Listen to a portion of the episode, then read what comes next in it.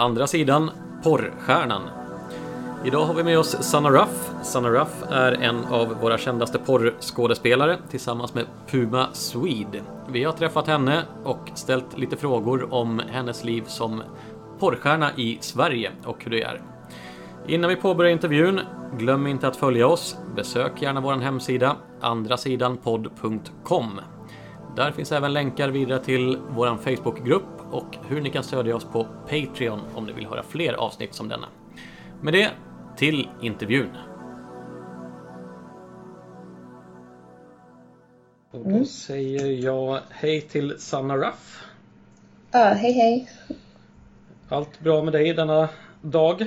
Eh, ja, det är ganska bra. Härligt, härligt. Jag vet inte vad vi ska ha för titel på dig. Porrstjärna. Är det en titel som, Eh, ja, men det tycker jag låter bra. Porrstjärna, ja. låter bra? Yes, då Ja. kör vi på porrstjärnan Sanna Ruff. Helt Ja. enkelt. Du eh, Sanna, hur skulle du beskriva dig själv som person? Jag skulle beskriva mig själv som en eh, ja, rolig, lättsam, väldigt flummig person. Mm. Eh, ja, det är väl mest det. Ja, Lite ja. så här överaktig var mig ibland. Ja, Okej. Du, eh, du jobbar ju med porr om vi ska gå rakt på sak liksom så här, porr och göra porrfilmer och du gör camshower om jag har förstått det rätt och du eh, kör även en del eskortverksamhet om jag har förstått allting rätt. Ja, jag kör lite olika grejer. Just det. Mm. Hur var din första kontakt med, med branschen? Hur, hur kom du liksom in på, på det här spåret? Ja, alltså jag för, började ju först med eh, telesex och sånt liksom. Eh, på en sida på nätet och jobbade där. Och då började jag också med camshower och grejer. Eh, och sen så typ sökte jag lite på nätet om eh, porrbolag i Sverige. Och sen så fick jag kontakt med ett bolag och så började jag spela in lite. Och, och då började jag också med eskort liksom så, ja. Så Ja, då började jag med allting efter ett tag. Mm. okej, så det var telefonsex som var liksom första, första kontakten med sexbranschen om man säger så då. Ja, ja, det var lättast liksom och ja. Och sen tänkte jag bara, ja, men varför inte börja med någonting som är grövre liksom. Eh, fast egentligen sex eh, gjorde jag ju redan när jag var 17 år lite grann liksom. Så det var egentligen det jag började med först, men det var ju bara lite grann. Ja. Men vad är det för typ av eh, filmer som du är med i då? För de som inte känner till dig och inte har sett några klipp eller några filmer eller någonting sånt där. Vad är det för typ av, av porr? Eh, alltså det är egentligen all möjlig porr. Men eh, ja, jag gör ju mycket så här eh, hård eh, porr. Mycket analporr och gruppsex, gangbang. Lite mer grövre porr liksom. Du gillar, gillar mer hårda, hårda tag eller hårda filmer om Ja, man säger så. Så har jag även gjort så här vanlig porr också, men eh, ja.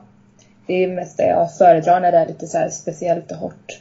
Är det sånt du gillar även liksom privat om man säger så? Är det där som har har tagit dig in på Eh, den ja, genren? alltså inte hela tiden, men helst så vill jag ju ha det. Annars känns det som att det är någonting som fattas i sexlivet om jag inte får det hårda liksom. Mm.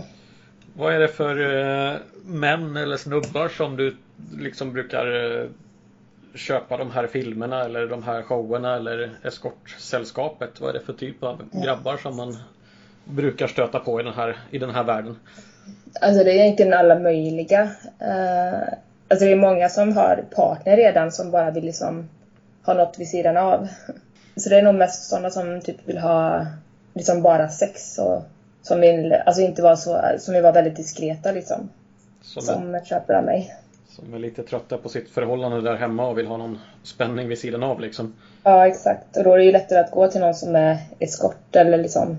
För då slipper de ju, då får de ju det de vill ha liksom, direkt. Utan att... Ja, alltså det är mycket enklare att köpa av en eskort än, än, än att hålla på och dejta och så. Alltså vid sidan av ett Ja. förhållande. Vad är det de här männen brukar vilja då? Om vi nu tar camshower då till exempel. Vad, vad är det de brukar vilja se? Eller vad är, de, vad är det för typ av shower de brukar vilja ha? Mm. Alltså det är ju egentligen väldigt blandat men ja, det är mycket dominans, att jag ska dominera dem. Är det en del. Eller att jag ska förnedra dem och vara elak mot dem. Alltså det är mycket så här analt. ehm, ja, det är mest det liksom. Men sen är det även så vanligt att jag bara ska typ så här strippa och köra upp en dildo i mig liksom. Så det är Men lite allt möjligt faktiskt. Ganska mycket kinky. Ja, det är väl det liksom för att jag vill ju liksom det kanske inte är så vanligt att tjejer gör så mycket kinky saker och då försöker jag liksom göra det. Så de kan komma till mig istället. Är de lika vågade även vid eskortträffar eller är det samma typ av intressen som finns då? Eh, ja men det är väl ganska blandat. Det är många som vill ha lite mer så här, hårda tag och lite mer udda liksom. Så alltså de kanske inte kan liksom dominera en tjej fullt ut som de inte känner utan alltså ja. De vill ha så här fria, alltså kunna göra vad de vill med en tjej liksom och då, då är jag perfekt. Ja. Jag sätter typ upp på allt nästan. Har du inga gränser vad du inte tycker om eller vad du liksom sätter stopp för? Ja, det är väl mer att jag inte blir bunden och inte blir så här hårt eh, piskad och så. För att jag Mm. måste ju ha kontroll. Men eh, annars så går ju allting bra. Hur är marknaden i Sverige för den här typen av saker då? Är det, är det liksom stort, eh, stor efterfrågan om vi ska säga, säga så? Mm, ja men den är ganska stor. Alltså jag, jag gör ju inte, alltså jag tar ju inte ens alla jobb som kommer in liksom för att det orkar man ju inte. Nej. Så alltså den är ju ganska stor efterfrågan. Vad, vad är det mest av? Är det som du gör mest av? Är det camshowerna eller är det filmer eller är det eskortverksamheten eller vad är det som, som är mest liksom? Alltså det är lite olika perioder. Alltså just nu så är- kör jag mycket att jag gör mina egna hemmafilmer liksom och lägger upp på en sida för det är så smidigt. Mm. Så det är det jag gör mest nu. Och sen så kanske jag inte gör lika mycket eskort längre som jag gjorde förut för jag, jag försöker vara, prioritera mer vem jag vill träffa liksom. Vad jag gissar att du får en del eh, i och med att du ställer upp på det mesta att du får en del lite så här konstiga inviter eller udda inviter och sånt. Är det, är det något som är mer udda än, än någonting annat som du har fått liksom som du kommer ihåg sådär? Um, hmm. Alltså för mig är det ju inte så mycket udda egentligen. Det är väl mer typ om någon vill ha sex typ alltså i någon bil och bara köra iväg någonstans på någon rastplats. Men det är lite, då vet man ju inte, det går jag ju inte med på för att jag vet inte vem personen är liksom. Så det tycker jag väl är lite udda. Man måste ju ha ändå lite kontroll liksom. Lite säkerhet på allting. Ja, exakt. Ja. Men sen så har jag en, en udda grej som jag var med om. Det är typ så här matsex. Det var någon så här snubbe som ville att jag skulle så här, eller han hällde massa så här grädde och keso och allt möjligt på mig så här. Okej. Och det tyckte han om liksom, och så skulle man ha sex samtidigt som man hade massa keso och grädde på sig och massa så här mat, eh, kladdig mat på sig. Så det var lite udda men det ställde jag upp på för att jag tyckte det var kul. Va- vad är den vanligaste fetischen annars som grabbar har liksom som du, som du stöter på? Um, det är ju många som vill spruta i ansiktet vet jag. Det kanske inte, ja. Det kanske är ganska vanligt liksom men eh, ja. Det vet jag i alla fall att många vill göra. Har du någon gång haft några så negativa konsekvenser av att eh, hålla på med den verksamhet du gör? Att du har stött på några liksom freaks eller några som inte har varit helt vettiga liksom att ha att göra med eller någonting? Nej, inte direkt. Eller ja, alltså jag försöker ju vara försiktig. Men sen så har jag ju typ eh, kanske träffat några som har typ suttit inne och sådär och då kanske jag har varit lite försiktig. Alltså sådana som liksom är lite kriminella av sig. Ja, ja. Det kanske jag inte... Eh, alltså man kanske inte alltid ska lita på alla liksom. Man får vara lite försiktig. Så att det är därför jag har blivit lite mer så här att jag väljer ut vilka jag träffar. Man vet inte vad som kan hända liksom om man får en stalker eller om de, jag vet inte, tar upp en kniv och någonting. Mm. Har du råkat ut för någonting sånt liksom? Eh, nej, det har jag inte. Det är bara det att jag har liksom kommit på sådana tankar när man har läst att liksom, det har hänt liksom, andra eskorter och då tänker jag, tänk om det händer mig någon dag liksom. Så det är liksom Mm. kommit sådana tankar på senare tiden. Liksom att jag kanske ska vara lite mer försiktig. Mm. Har varit. Ja, det är väl en sån tanke man kan ha att det finns en och annan dåre där ute också liksom. Att det kan vara ganska svårt att selektera ut vilka det är som är vettiga människor och vilka som man ska, ska akta sig för i och med att du inte har någon relation till människorna innan du träffar dem liksom. Mm. Men sen har jag ganska mycket erfarenhet så att jag kan nog ju, alltså det är ju ingenting direkt som har hänt liksom så jag tror jag är ganska bra på att känna av. Liksom. Men ja, hur är det med din omgivning? Finns det några familjemedlemmar eller dina vänner eller någonting sånt som känner till att du gör porrfilm eller camshower och sådana här saker? Och vad, vad tänker de om det? Eh, ja, mina vänner accepterar ju mig som jag är. Liksom. De tänker inte på att jag jobbar med det jag gör. Liksom. Eh, de struntar i det. Eh, men min familj, alltså de tycker inte det är så kul liksom. Typ mina syskon, alltså, de vill att, alltså det, det kanske är lite jobbigt för dem men det skiter jag i. Och min mamma tycker väl att jag ska göra någonting annat liksom. Att jag ska studera och bli något eh, vettigt istället. Har de eh, försökt att prata dig ur det liksom? Eh, nej, det har de inte. Jag tror inte ens det skulle gå för att jag är så här. Alltså jag typ skiter totalt i alla folks åsikter så att jag tror inte att någon skulle kunna alltså omvända mig. Men eh, så här för människor som inte jobbar med det här, alltså eh, Väljer man det här för att man verkligen tycker om det? Tror jag det är en del människor som liksom tänker eller, eller har man blivit intvingad i det eller, eller liksom hur, hur, resonerar du där? Det här är vad du verkligen vill göra eller, eller hur känner du kring det? Nej, det har ju typ bara blivit så och sen så har jag varit kvar för att det är så himla bekvämt. Ja. Att jag, jag själv kan inte se mig själv i ett eh, vanligt jobb för att jag skulle bli alldeles för uttråkad. Jag vill ha så här spänning hela tiden. Och variation. Och det får jag liksom. Jag kan ju liksom jobba, välja själv när jag ska jobba och, och när jag, vilka jag ska träffa och så. Så det känns ju väldigt fritt. Men alltså jag har ju valt det själv. När man spelar in en sån här porrfilm, hur, hur ser det egentligen ut? Hur, hur är en dag på jobbet när man spelar in en film? Först så kommer man ju till äh, inspelningsplatsen. Äh, alltså det beror på vem, vem man spelar in med, det är lite olika men Alltså vissa har ju så här att man blir sminkad och så, makeupartister. Och vissa så får man sminka sig själv liksom. Okej. Okay. Men ja, ofta så blir jag så här sminkad och så av en makeupartist och Alltså det är ju ganska lugnt att man får vänta en del innan så eh, och sen så typ säger de vad man ska göra och sen så bara gör man det och kör på. en scen kanske tar, alltså om det går smidigt så tar det bara typ 20 eh, minuter att spela in liksom. Okej. Okay. Ibland kan det ta upp till en timme. Det är lite olika hur liksom är de här produktionerna? Är det någon som står med någon hemmakamera eller hur, proffsigt, hur proffsiga produktioner är det? Nej, det är så här eh, massa ljus och lampor och oftast är det typ två som filmar. Mm. Så det är ju, det är ju professionellt liksom. Har du någon sån här, eh, eller vilken var din första film som du gjorde? Mm, det var med Mike Beck eh, Förbjudna fantasier 3 heter den. Det var min första film. Och den spelade vi in i Skåne. Liksom. Okej. Okay. Ja. Har du gjort filmer bara i Sverige eller har du gjort någonting även internationellt någonstans utomlands? Uh, I Danmark också. Ja. Sverige och Danmark. Har du några tankar om att göra någonting mer utomlands eller är det här i krokarna du vill hålla dig? Uh, ja, alltså det har varit svårt att komma i kontakt med seriösa bolag men jag försöker ju via Twitter liksom att komma i kontakt med andra men det har faktiskt varit svårt. Okay. Men jag får nog försöka lite till liksom. Det, alltså de har ju sina tjejer där och alltså det är svårt att... Alltså här i Norden är det ju så himla lätt för det är inte så många som håller på med det men sen typ i England och så, så det är ju så många som håller på med det så det, liksom, konkurrensen är större. Men det är ganska få tjejer ändå i Sverige som håller på med porr eller hur, hur ser det ut? Hur många, hur många finns det egentligen som spelar in film? Alltså de, liksom? de kanske bara typ spelar in några scener och sånt så gör de inget mer. Det är inte så, det är inte så ofta det finns någon som liksom håller på flera år som jag har gjort. Nej. Det finns typ bara jag kanske. Jag vet inte. Det är ja. inte så vanligt i alla fall. Ja, det är väl du och hon Puma Swede eller vad hon nu heter för någonting ja. som man känner till liksom. i USA så. Ja, ja, ja. Men grabbar och så, det finns det många av eller hur är det med den?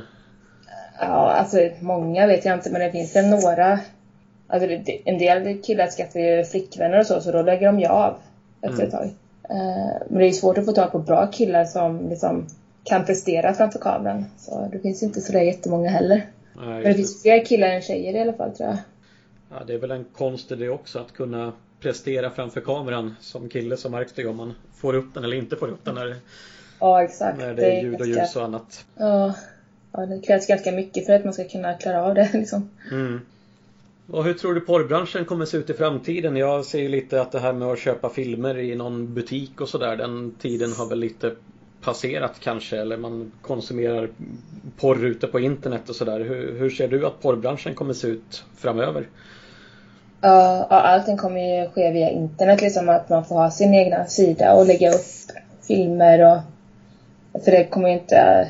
Alltså det är, det är ingen som köper liksom filmer längre utan man får ju ha sin egna hemsida liksom och lägga upp. Det, är där eh, branschen är numera.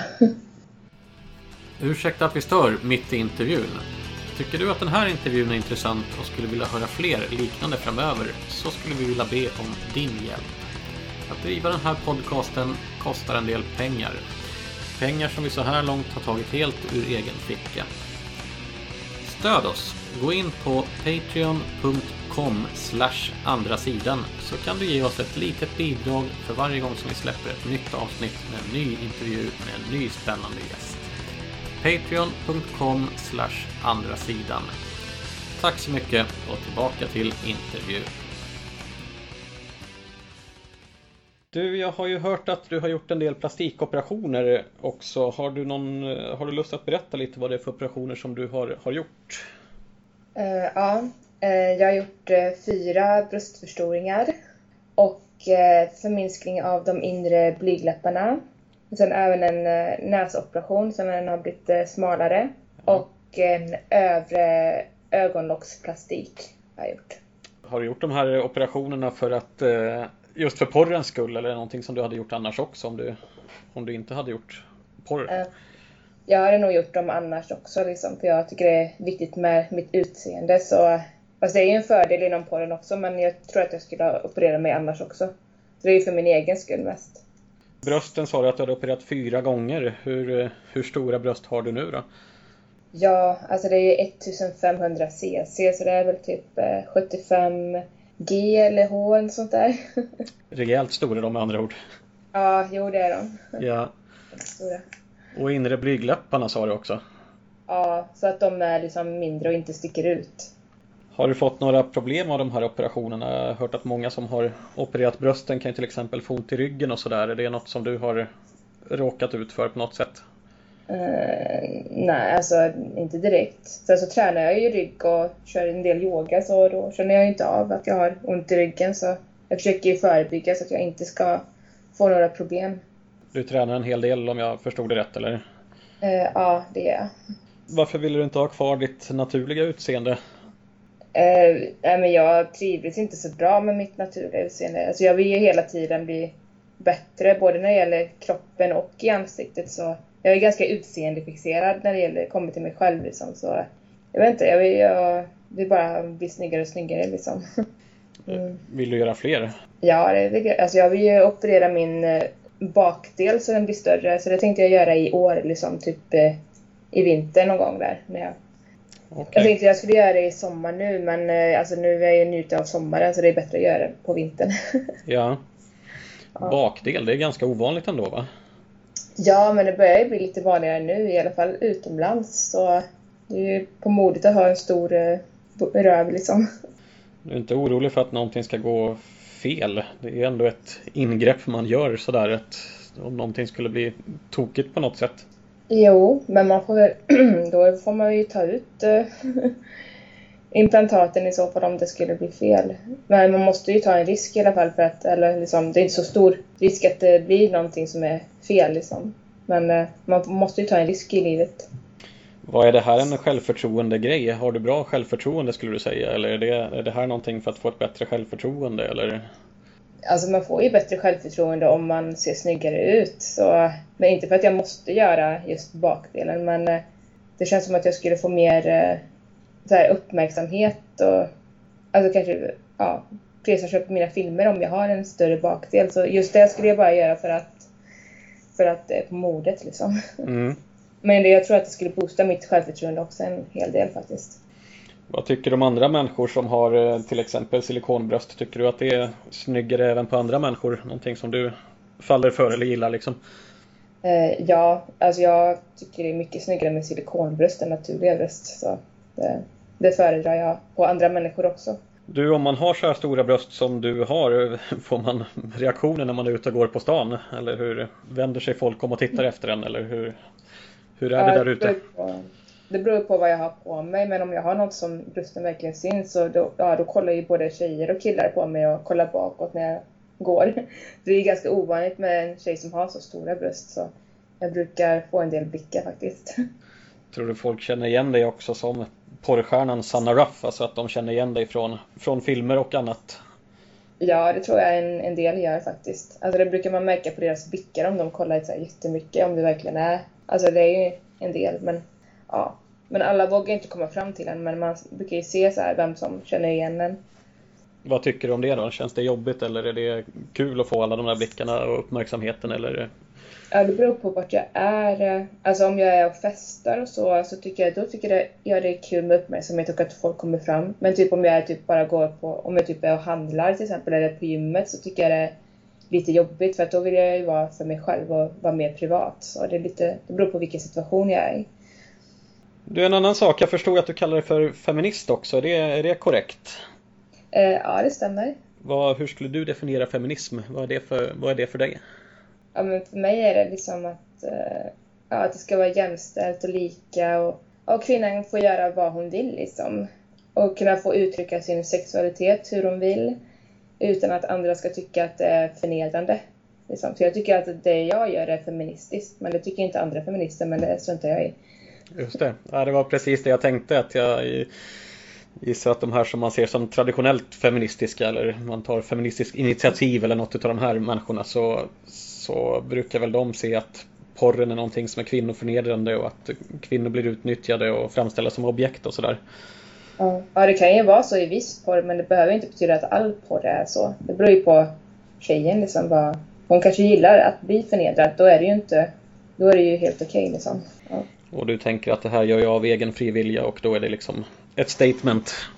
Ja, ja exakt. Det stämmer. Ja. Så då är det en helt annan sak. Just det. Mm. Relationer och sådär då. Hur, eh, hur lätt är det att hitta en pojkvän när man jobbar inom porren? Ja, det är ju ganska svårt faktiskt. Uh, för det är mest bara folk som vill ligga med en, men de vill ju inte ha något seriöst. Så det är ju jävligt svårt att hitta någon som... Ja, jag vill ju inte ha någon att bara ha sex med. Jag vill hitta någon seriös, men det är ju svårt. Vad tror du är som skrämmer dem då?